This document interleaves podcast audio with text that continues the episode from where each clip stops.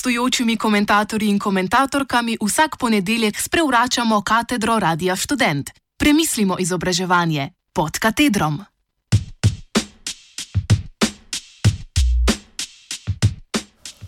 Neposredna zaposlitev receptorjev na MIZŠ.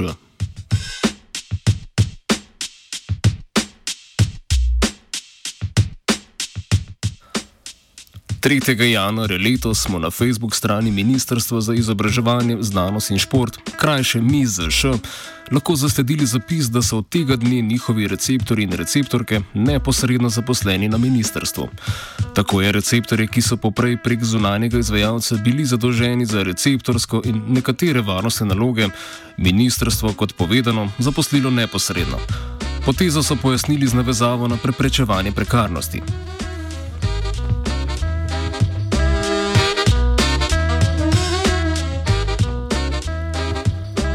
Novica ni bila posebej močno izpostavljena v medijih, vsaj ne v primerjavi z zaposlitvijo čistilk na Filozofski fakulteti Univerze v Ljubljani ali pa situacijo s čistilno službo na Ministrstvu za javno upravo.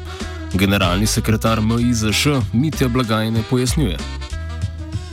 Tukaj gre v bistvu za usode ljudi in za neka delovno-pravna razmerja, zato se nam je zdelo popolnoma neprimerno, da bi.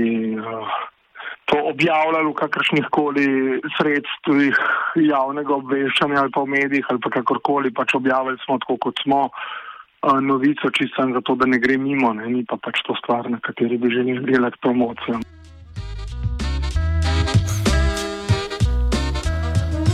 Ministr za izobraževanje Jrnej Pikalo je že v marcu pozval šole ter vzgojne in izobraževalne zavode naj za dela, ki jih redno potrebujejo, ljudi tudi redno zaposlijo in tako prenehajo s tako imenovanim outsourcingom.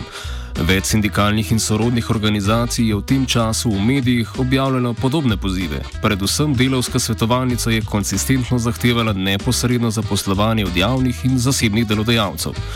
Formalnih vzvodov, ki bi uveljavili neposredno zaposlovanje v sicer samostojnih javnih vzgojnih in izobraževalnih zavodih, ministrstvo nima, tudi pozive je zaenkrat nadgradilo z zgledom. Tako je, pogledajte, v Ministrstvu za izobraževanje, znanost in šport smo že 18. marca na Ministrstvo za javno upravo naslovili poziv v zvezi z outsourcingom varnostnikov in čistilk.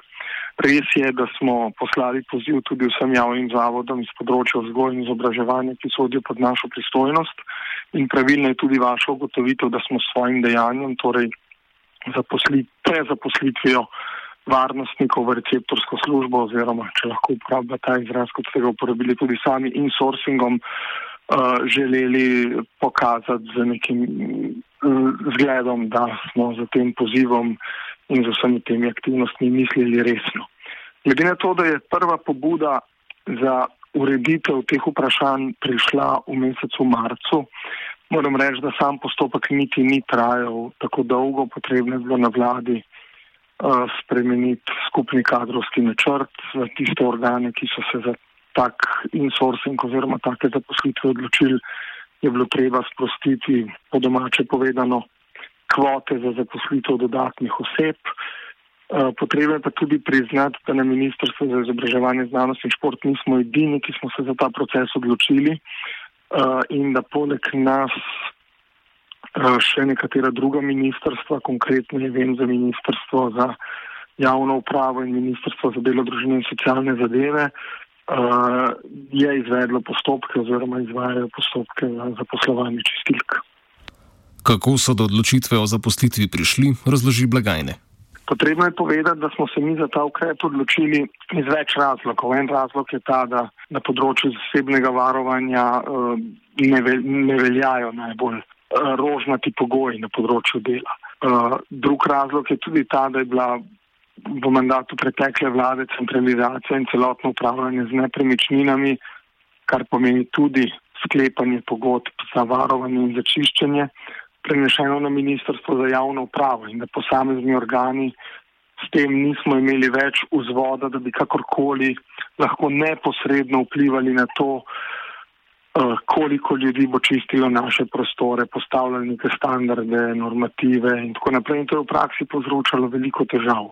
Nekje je treba začeti, tako kot sem povedal, eni organi so se odločili za zaposlitev čistilk, mi smo se najprej odločili za zaposlitev varnostnikov, ker je področje zasebnega varovanja v Sloveniji relativno kompleksno urejeno.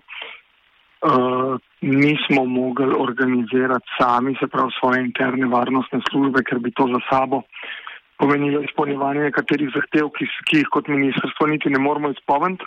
Zato smo v bistvu te ljudi prezaposlili v receptorsko službo za neke obvezne stvari, ki jih pa pač moramo imeti, to so pa požarni alarmi, um, nadzorni centri, se pravi tisti čist varnostni, ki jih, ki jih moramo imeti, imamo pa še vedno sklenjene pogodbe za varovanje z zunanjimi izvajalci. MIZŠ torej za nujne varnostne naloge še vedno najema delovce prek zunanjega izvajalca, ker samo nima pristojnosti, da bi organiziralo dejavnost varovanja. Ljudi, ki so poprej upravljali naloge tako receptorja kot varnostnika, so zdaj torej zapustili kot receptorje, naloge varovanja pa morajo še vedno outsourcati.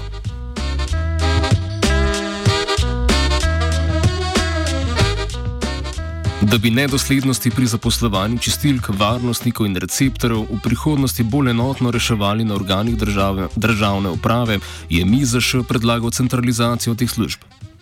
Zato smo mi, mi uh, tudi že pozvali vlado Republike Slovenije, da bi, da bi razmislila o tem, če bo pač tak način zaposlovanja teh vrst delavcev prevladal, o tem, da bi se ustanovila neka centralna uh, služba na državni ravni, ne, ki bi uh, zaposlovala varnostnike in čistilke in v bistvu s tem omogočila nek servis organom državne uprave, hkrati pa tem ljudem tudi nekimi uh, normalnimi pogoji dela in z nekimi normalnimi pogodbami zapos o zaposlitvi omogočala neko predvidljivo socialno varnost in pravice, kot pač delovcem pripadajo. Outsourcing bo nadalje spremljala HNR.